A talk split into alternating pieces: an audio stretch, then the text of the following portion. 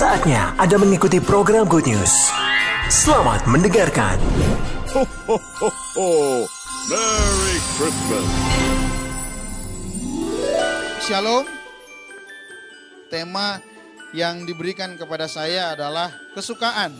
Nah, temanya adalah kesukaan dan saya memberikan subtema buat kita ini adalah kabar baik dan anugerah Allah. Mari kita buka di dalam Lukas Injil Lukas pasal yang kedua ayat 10 dan ayat yang ke-11. Injil Lukas pasal yang kedua ayat 10 dan ayat yang ke-11. Kalau sudah dapat kita akan baca bersama-sama dengan suara yang terdengar. 3, 2, 1. Lalu kata malaikat itu kepada mereka, Jangan takut, sebab sesungguhnya aku memberitakan kepadamu kesukaan besar untuk seluruh bangsa. Hari ini telah lahir bagimu juru selamat yaitu Kristus Tuhan di kota Daud. Sore ini kita akan bersama-sama merenungkan dan merayakan kabar baik yang membawa kesukaan dan anugerah Allah kepada kita semua. Seiring langkah kita dalam memasuki Natal ya, pastinya mungkin beberapa kita sudah sangat antusias sudah tidak sabar mungkin menunggu tanggal 24 malam atau menunggu tanggal 25 ya untuk mendapatkan entah mungkin kado, hadiah dari orang tua atau mungkin dari seseorang ya. Kalau saya bicara seseorang kok senyum, senyum ya. Gawat ini. Nah seiring langkah kita memasuki musim Natal yang penuh kegembiraan, kita tidak hanya dipanggil untuk merayakan peristiwa bersejarah yaitu kelahiran Yesus Kristus. Tetapi juga kita kita dipanggil untuk untuk mendalami betapa luar biasanya peristiwa ini. Sehingga kita bisa mengerti apa sebenarnya makna Natal itu bagi kita. Jadi kita tidak hanya kita tidak hanya merayakan itu sebagai sebuah perayaan yang kita lakukan setiap tahun setiap tanggal 25 Desember, tetapi melalui apa yang Yesus lakukan, kita bisa betul-betul mengerti sebenarnya makna Natal yang sesungguhnya bagi kita itu apa? Khususnya bagi kita generasi muda hari-hari ini. Dalam Lukas 2 ayat 10 sampai 11 kita menemukan pesan dari para malaikat kepada para gembala waktu itu yang menjadi pemandu bagi kita untuk merenungkan makna Natal bagi kita dengan lebih mendalam. Karena kita tahu bahwa pesan ini bukan hanya sekedar tentang kelahiran Yesus, tetapi juga merupakan undangan untuk kita masuk di dalam sebuah kedalaman yang lebih dalam lagi di dalam kesukaan tentang Natal. Sehingga kita bukan hanya bersuka cita karena merayakan Natal, tetapi kita mengerti betul betapa hebatnya karya Kristus bagi kehidupan kita. Amin. Ada amin? Amin nggak hadir mas. Nah hari ini kita akan menyelami bersama-sama bagaimana kabar, kabar baik ini, kesukaan ini memiliki arti yang begitu luas, yang begitu universal.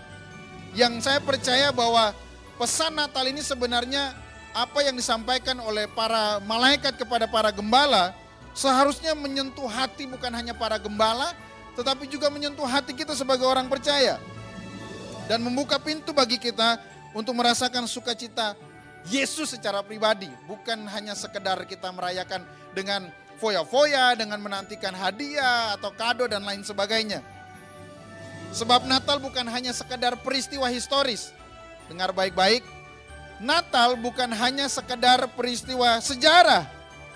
Itu adalah sebuah pengalaman hidup yang akan kita lalui bersama Yesus lebih dalam setiap hari di dalam kehidupan kita.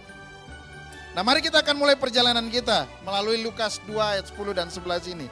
Untuk kita menemukan makna yang lebih dalam di dalam perayaan Natal kita tahun ini. Supaya Natal kita tahun ini sedikit berbeda. Ya jangan hanya merayakannya begitu-begitu saja. Dengan sebuah perayaan yang yang hura-hura tetapi setelah tanggal 25 atau setelah tanggal 26 ya kita sudah nggak nggak nggak antusias lagi begitu ya.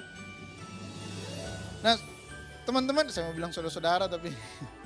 Nah teman-teman, di dalam pesan dari para malaikat kepada gembala, kita coba lihat kembali di dalam ayat yang 10 di situ dikatakan, Lalu kata malaikat itu kepada mereka, jangan takut. Jangan takut ini sudah dibahas minggu lalu ya. Jadi saya nggak perlu ulang lagi. Sebab sesungguhnya aku memberitakan kepadamu kesukaan besar untuk seluruh bangsa. Nah, ada kabar baik yang diberitakan pada waktu para malaikat bicara dengan para gembala pada waktu itu. Oleh sebab itu kita akan melihat pesan malaikat kepada para gembala sebenarnya memiliki uh, apa namanya signifikansi, kepentingan yang begitu mendalam untuk kita bisa mengerti apa sebenarnya kabar baik itu. Nah kita akan melihat beberapa hal. Yang pertama bahwa kabar baik yang disampaikan oleh para malaikat kepada para gembala itu merupakan sebuah kabar baik yang universal. Kabar baik yang luas, kabar baik yang yang bukan hanya bagi kepentingan golongan, yang bukan hanya disampaikan kepada para gembala untuk untuk untuk mereka saja, tetapi sebenarnya kabar baik yang disampaikan oleh para malaikat itu sebuah kabar baik yang universal. Bukan hanya untuk satu kelompok gembala, tetapi melainkan untuk seluruh umat manusia. Nah, kalau kita lihat di situ dikatakan kesukaan besar untuk apa? Seluruh bangsa. Bukan hanya dikatakan kesukaan besar bagi kamu. Tidak, tetapi dikatakan bahwa itu kesukaan besar untuk seluruh bangsa. Menegaskan bahwa kelahiran Yesus adalah anugerah yang diberikan untuk mencakup seluruh umat manusia. Tidak eksklusif hanya untuk orang Kristen saja. Tidak. Nah, dari ayat ini juga kita bisa melihat bahwa ada kesaksian dari saksi yang pertama, yaitu para gembala. Gembala sebagai saksi pertama memperkuat keaslian dan keajaiban kelahiran Yesus. Saudara pernah memikirkan tentang hal ini? Malaikat memilih memberitahukan kepada para gembala terlebih dahulu. Karena apa? Karena dengan kesaksian para gembala yang sederhana itu menunjukkan betapa pentingnya sejarah keselamatan itu. Malaikat nggak pergi kepada para pembesar, malaikat nggak pergi kepada para raja, no. Mereka justru memutuskan untuk datang kepada para gembala. Sehingga dengan kesaksian yang sederhana ini, yang kelihatannya sederhana, justru dari para saksi yang pertama ini, ini merupakan bagian dari sejarah keselamatan yang begitu luar biasa. Lalu kemudian ada sukacita langsung yang dialami oleh para gembala. Gembala bukan hanya penerima informasi tetapi mereka juga mengalami sukacita itu sendiri. Pesan malaikat memberi reaksi yang mendalam kepada para gembala yang akhirnya mereka memutuskan untuk pergi dan mencari pergi dan mencari di mana bayi itu dilahirkan. Pertanyaannya bagi kita ketika kita datang di dalam sebuah perayaan ibadah Natal atau ketika kita sampai di dalam bulan Desember di mana kita ingin merayakan Natal, dalam tujuan apa kita datang untuk merayakan Natal?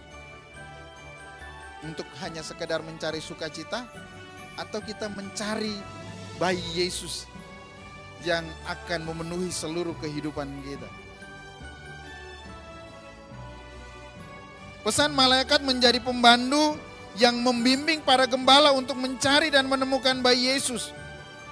Ini menunjukkan betapa pentingnya kesukaan Natal tidak hanya sebagai sebuah konsep. Kesukaan Natal bukan hanya sebagai sebuah konsep, tetapi sebagai realitas yang dapat dirasakan dalam hubungan langsung dengan Yesus. Jadi jangan hanya merayakan Natal sebagai sebuah perayaan, konsepnya begini, konsepnya begini. Tetapi ketika kita datang di dalam sebuah perayaan Natal, apakah ada sebuah hubungan yang terjalin yang kita bangun dengan bayi Natal itu sendiri? Pernah bertanya seperti itu di dalam perayaan-perayaan Natal kita sebelumnya? Dan yang lebih penting pesan malaikat membuka pintu bagi setiap individu, setiap pribadi untuk merenungkan makna Natal secara pribadi. Tidak hanya merayakan Natal sebagai sebuah peristiwa historis, melainkan kita masuk dalam sebuah undangan sukacita karena kita bertemu dengan sang bayi Natal itu secara pribadi. Coba renungkan sepanjang kita mengalami atau merayakan Natal, apakah kita pernah memikirkan bagian-bagian ini dalam kehidupan kita sebagai sampai hari ini sebagai generasi muda? Dari pesan ini yang disampaikan oleh para malaikat kepada para gembala kita bisa mengerti bahwa kabar baik ini merupakan kabar baik yang universal. Pesan yang disampaikan oleh para malaikat kepada gembala itu merupakan sebuah pesan yang mencakup seluruh umat manusia. Berita sukacita yang diberikan untuk setiap orang tanpa memandang latar belakang ataupun status sosial. Itu sebabnya malaikat berkata, kesukaan besar untuk segala segala bangsa. Artinya apa? Artinya bahwa pesan ini yaitu berita kelahiran Yesus tidak boleh berhenti hanya di kita saja. Halo? Berita tentang kelahiran Sang Juru Selamat tidak boleh berhenti hanya sampai di kita saja. Tetapi kemudian apa yang harus kita lakukan sebagai orang Kristen? Kita juga harus memberitakan kepada semua orang yang kita temui. Bukan hanya sekedar merayakan Natal setiap tahun, tetapi ada sesuatu yang kita beritakan kepada orang bahwa hei lihat hari ini telah lahir bagimu juru selamat di dunia. Di kota Daud. Jangan hanya ketemu cerita temanmu hari ini kamu dapat kado apa, hari ini kamu dapat hadiah apa, tahun ini kamu minta apa dari Tuhan, tahun ini kamu minta apa. No, ketemu dengan temanmu dan ceritakan, kamu tahu nggak hari ini telah lahir bagi kita juru selamat yaitu Kristus Yesus Tuhan di kota Daud. Yang kita peringati hari ini. Apakah kamu mau ketemu dengan Yesus atau tidak? Jadi jangan hanya sekedar puas dengan, oh ya saya merayakan Natal setiap tahun. Tapi kemudian tidak ada sesuatu yang kita lakukan sebagai generasi muda. Jadi berita Natal jangan sampai berhenti hanya di kita. Tapi waktu kamu merayakan Natal, kamu keluar dan kamu ceritakan. Kamu tahu nggak hari ini telah lahir seseorang yang begitu luar biasa. Kelahirannya bukan hanya diperingatkan atau diperingati oleh satu bangsa, tidak. Kelahirannya diperingati oleh seluruh umat manusia. Kamu mau tahu nggak siapa dia? Kamu ingin kenal nggak siapa dia? Pernah nggak kita merenungkan Natal, makna Natal seperti itu? Bahwa berita itu harus kita beritakan kepada setiap orang. Bahwa telah lahir seorang juru selamat dunia. Dan namanya adalah siapa?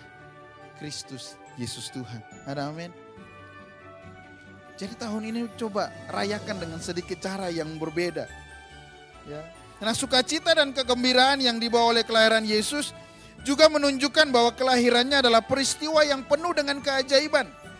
Yang menggenapi seluruh janji, seluruh nubuatan yang ada di dalam perjanjian lama yang menubuatkan tentang kedatangan Mesias atau Juru Selamat. Di dalam 2 Samuel 7 ayat 12 sampai 13, janji dengan janji tentang keturunan Daud. Allah berjanji kepada Raja Daud bahwa keturunannya akan menduduki takhta selamanya. Kelahiran Yesus sebagai keturunan Daud memenuhi janji ini dan menegaskan bahwa dia adalah sungguh-sungguh Mesias sang juru selamat. Di dalam Mika 5 ayat 1 menubuat mengenai Bethlehem. Mika menubuatkan bahwa Mesias akan lahir di Bethlehem. Teman-teman nanti bisa catat saja itu ya. Saya nggak punya waktu banyak untuk uh, meruntun satu-satu. Kehadiran Yesus di kota kecil ini memenuhi nubuat tersebut dan menunjukkan bahwa kelahirannya adalah bagian dari rencana karya keselamatan Allah kepada umat manusia. Nubuat mengenai anak perawan, Yesaya 7 ayat 14. Yesaya menubuatkan bahwa seorang anak akan lahir dari seorang perawan. Kelahiran Yesus dari Maria yang masih perawan memenuhi nubuat ini menandakan bahwa kelahirannya adalah suatu mujizat. Wow, betapa hebatnya Tuhan kita, amin. Nubuat mengenai penggembala, Mika 5 ayat 3. Mika juga menubuatkan bahwa Mesias akan menjadi gembala bagi umatnya. Hubungan Yesus dengan para gembala dalam cerita kelahirannya mencerminkan perannya sebagai gembala yang baik. Nubuat mengenai pembebasan dan keselamatan Yesaya 9 ayat yang kelima. Saudara pasti tahu ayat ini. Yesaya menubuatkan bahwa seorang anak akan lahir yang disebut sebagai penasehat ajaib, Allah yang perkasa, Bapa yang kekal, Raja damai. Yesus memenuhi nubuatan ini dengan memberikan pembebasan dan membawa keselamatan kepada seluruh umat manusia. Apa yang bisa kita mengerti dan pelajari dari bagian ini? dengan kelahiran Yesus, semua nubuat yang dibuatkan di dalam perjanjian lama menjadi nyata. Menegaskan bahwa dia adalah Mesias yang telah dijanjikan dan memenuhi rencana penyelamatan Allah bagi bagi seluruh umat manusia. Oleh karena itu kelahirannya dianggap sebagai sebuah peristiwa yang ajaib. Wow, betapa luar biasanya kedatangan Sang Juru Selamat yang adalah Kristus Tuhan. Kesukaan seperti apa lagi yang kita minta di balik semua kemeriahan Natal yang kita rayakan? Dengan mengerti semua fakta itu, dengan mengerti apa yang disampaikan oleh para para malaikat kepada para gembala waktu itu. Seharusnya kita bisa mengerti bahwa anugerah Allah itu begitu luar biasa dan besar dan hebatnya bagi kita sebagai orang-orang yang berdosa. Nanti kita akan lihat selanjutnya. Dari sini kita tahu bahwa kelahiran Yesus merupakan anugerah Allah kepada dunia sebagai ungkapan maksimal dari kasihnya. Wow. Kalau kita baca di dalam seluruh perjanjian lama kita akan menemukan bahwa semua petunjuk sudah Tuhan kasih buat bangsa Israel. Semua petunjuk sudah Tuhan kasih buat umat manusia. Agar apa?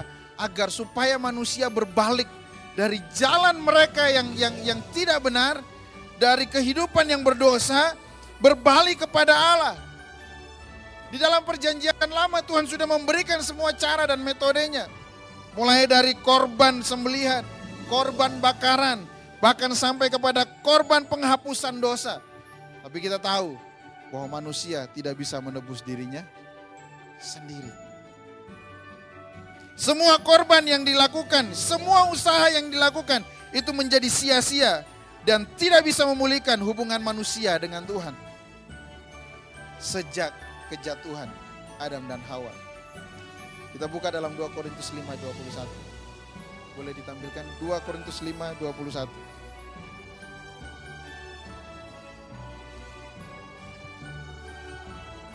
Di situ dikatakan dia yang tidak mengenal dosa telah dibuatnya menjadi dosa karena kita. Supaya dalam dia kita dibenarkan oleh Allah.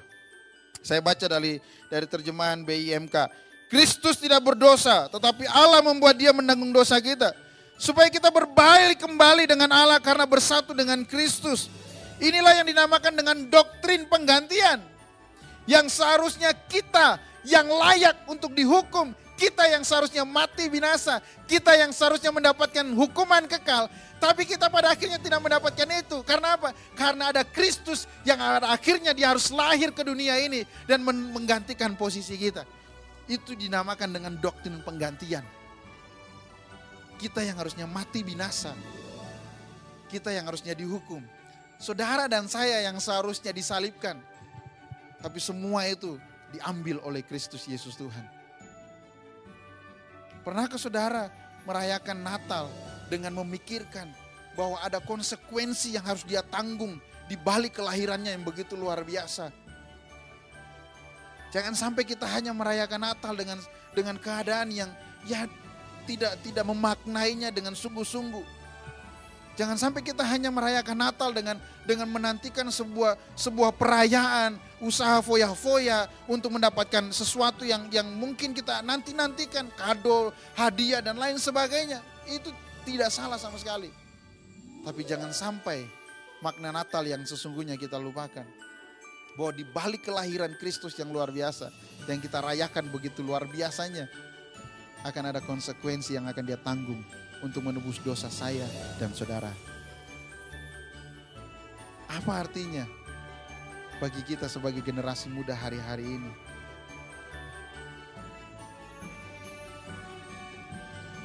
Anugerah Allah itu terlalu maksimal buat hidup kita. Jadi kesukaan di sini haruslah merupakan sebuah ekspresi sukacita kita bahwa kelahiran Yesus adalah tanda nyata dari kasih karunia Allah yang tidak terbatas. Amin. Kesukaan yang harus kita tunjukkan, yang harus kita alami, haruslah merupakan sebuah ekspresi sukacita kita. Karena kita tahu bahwa Yesus yang lahir, dia adalah Tuhan dan Juru Selamat yang akan menebus dosa saya dan saudara. Namun tidak hanya berhenti sampai di situ. Penerimaan kasih karunia ini memerlukan tanggapan, respon dari kita sebagai orang percaya.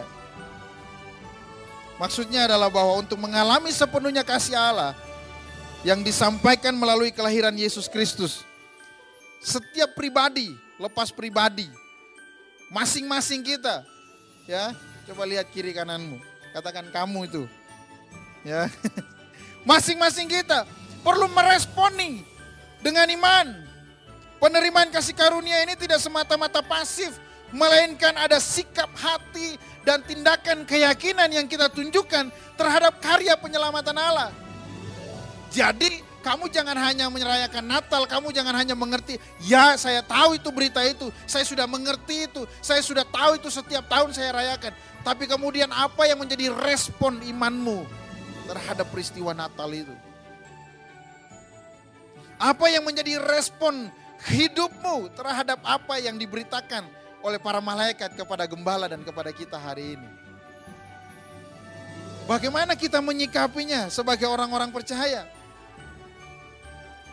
Itu sebabnya penting sekali bagi kita untuk menanggapi berita Natal itu dengan baik. Iman sebagai tanggapan pribadi. Penerimaan kasih karunia bukan hanya sebuah konsep intelektual atau pemikiran, melainkan suatu respon pribadi dan spiritual. Iman adalah tanggapan hati yang percaya, mengandalkan dan menyerahkan diri kepada kasih karunia Allah. Kalau engkau menyadari bahwa engkau hidup hanya karena anugerah Tuhan, engkau harus percaya. Jangan cuma hanya sekedar lip service. Engkau harus mengandalkan Tuhan. Engkau harus menyerahkan hidupmu kepada Tuhan. Engkau harus mengalami Tuhan. Itu sebagai tanggapan pribadi kita terhadap anugerah Tuhan, terhadap kasih karunia Allah. Respon yang lain adalah menerima Yesus sebagai juru selamat pribadimu.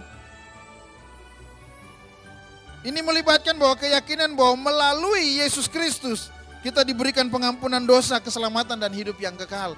Tidak ada jalan lain. Ya, minggu lalu sudah ditegaskan dengan sangat tegas, tidak ada jalan lain. Ya kan? Respon yang lain bahwa aktivitas hidup harus sesuai dengan iman.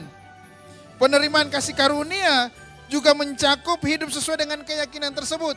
Kalau engkau yakin bahwa Yesus adalah Tuhan dan Juru Selamatmu, engkau harus mengalami perubahan sikap. Engkau harus mengalami perubahan nilai.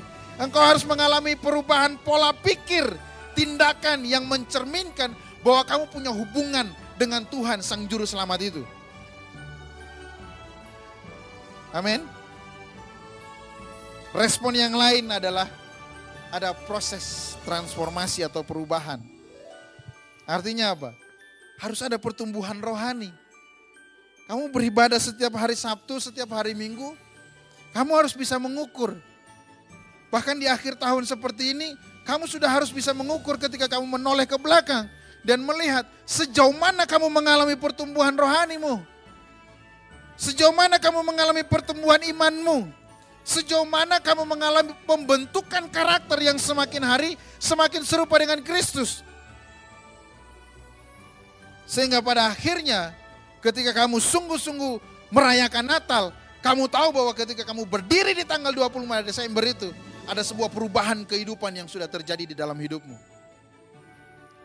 Amin. Dengan kata lain, tanggapan imanmu menjadi jembatan antara kasih karunia Allah yang telah diberikan dan juga kamu harus mengalami pengalaman pribadi bersama dengan Kristus Yesus Tuhan. Itu sebabnya keselamatan tidak bisa dipaksakan. Harus ada respon. Kamu mau menginjili sampai sampai bibirmu jontor juga, tapi kalau dia nggak respon, percuma saya mau khotbah sampai berbusa di sini juga, sampai keselak-keselak juga. Tapi kalau kalian yang mendengar tidak meresponinya dengan iman, tidak meresponinya dengan sikap hati yang terbuka di hadapan Tuhan, tidak meresponinya dengan sikap hati yang jujur. Ya ini bicara kepada saya, itu akan menjadi sesuatu yang percuma.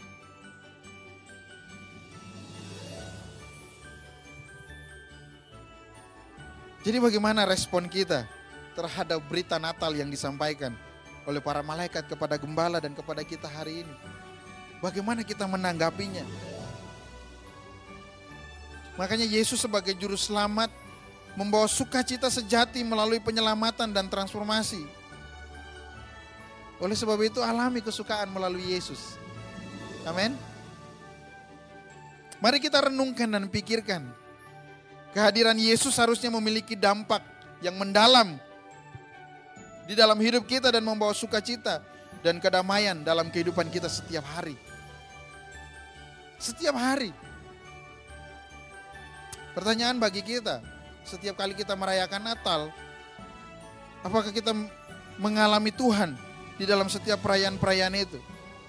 Apakah kita mengalami perjumpaan-perjumpaan pribadi dengan Yesus? Sang juru selamat, sang bayi Natal itu. Mari kita renungkan dan pikirkan, apakah kehadiran Yesus melalui kelahirannya memiliki dampak di dalam kehidupan kita. Mungkin kita memiliki kekosongan di dalam hati dan hidup kita. Harusnya kehadiran Yesus membawa sukacita dengan memenuhi rasa kehilangan dan kekosongan yang mungkin kamu rasakan dalam hidupmu. Dia adalah sumber harapan dan penghiburan bagi mereka yang merasa kehilangan arah atau arti hidup. Jadi apakah engkau engkau mengalami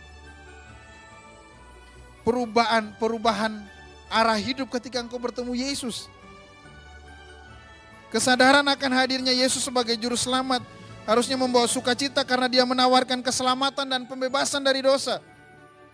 Ini menciptakan ketenangan batin dan kebebasan dari dari beban hidup yang kita hadapi setiap hari. Mari renungkan dan pikirkan.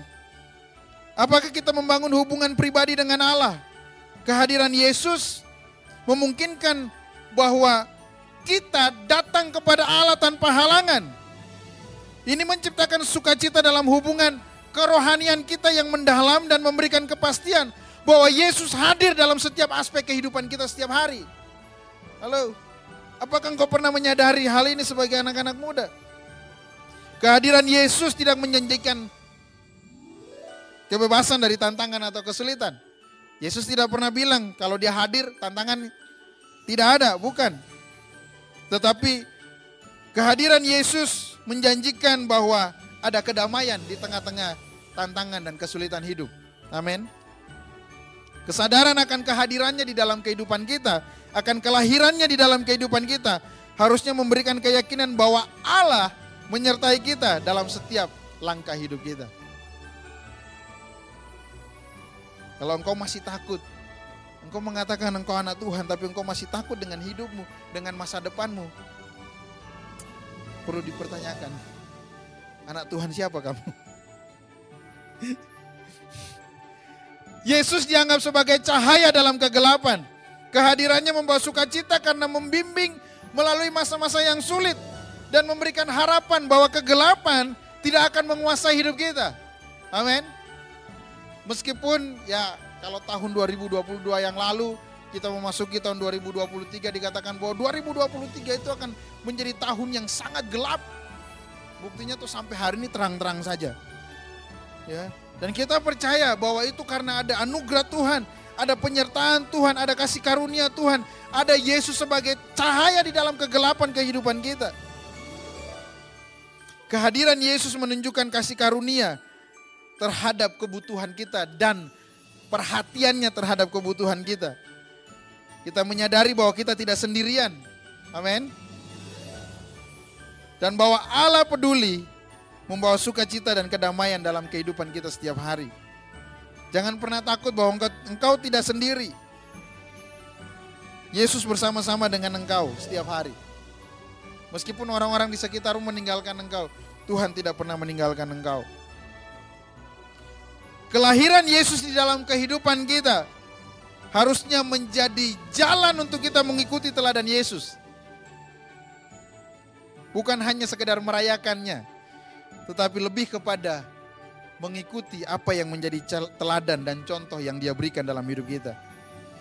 Dia memberikan panduan hidup yang benar. Jadi kalau masih hari ini engkau menyatakan bahwa dirimu anak Tuhan, tapi engkau masih melakukan cara hidup yang salah, Tuhan yang mana yang engkau sembah? Karena Yesus datang untuk memberikan panduan hidup yang benar, untuk engkau jalan di dalam jalan kebenaran dan hidup. Kehadirannya harus mendorong kita untuk hidup dengan kasih keadilan, belas kasihan yang pada akhirnya membawa kedamaian kepada orang-orang yang ada di sekitar kita. Amin. Saya berharap saudara-saudara bisa menangkap apa yang saya sampaikan. Karena ketika kita merenungkan kehadiran Yesus dalam kehidupan sehari-hari, kita akan mengerti kesukaan yang kita dapatkan bukan adalah kesukaan karena situasional.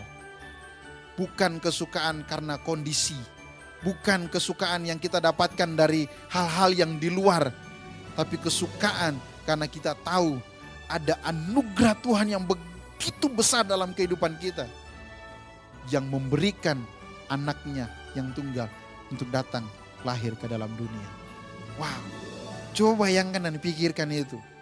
Dan renungkan sehingga kita sungguh-sungguh memaknai Natal bukan hanya sekedar sebuah perayaan setiap tahun. No, jangan sampai kesukaan atau sukacita kita hanya karena Natal yang artinya dapat kado, dapat hadiah. Tahun ini saya ingin dapat iPhone yang terbaru dan lain sebagainya kayaknya udah masuk bulan berber itu Desember itu sudah liburan waktunya dan lain sebagainya. Tapi pahami makna sejati di balik perayaan Natal ini. Kesukaan sejati tidak hanya berasal dari situasi eksternal, tapi juga dari hubungan pribadi dengan Kristus, Sang Bayi Natal itu. Amin. Mari renungkan ini. Natal artinya ada kesukaan untuk memberitakan tentang kelahiran Sang Juru Selamat. Natal artinya ada kesadaran bahwa kita orang berdosa yang mendapatkan pengampunan dosa dan anugerah hidup yang kekal. Bagaimana kita meresponinya? Natal artinya ada perubahan kehidupan yang semakin serupa dengan Kristus Sang Putra Natal itu. Mari renungkan kembali dan pikirkan kembali bagaimana kita akan merayakan Natal tahun ini. Apakah akan ada perjumpaan pribadi dengan Yesus yang akan mengubah hidupmu? Atau hanya sekedar perayaan yang menjadi sebuah rutinitas setiap tahun?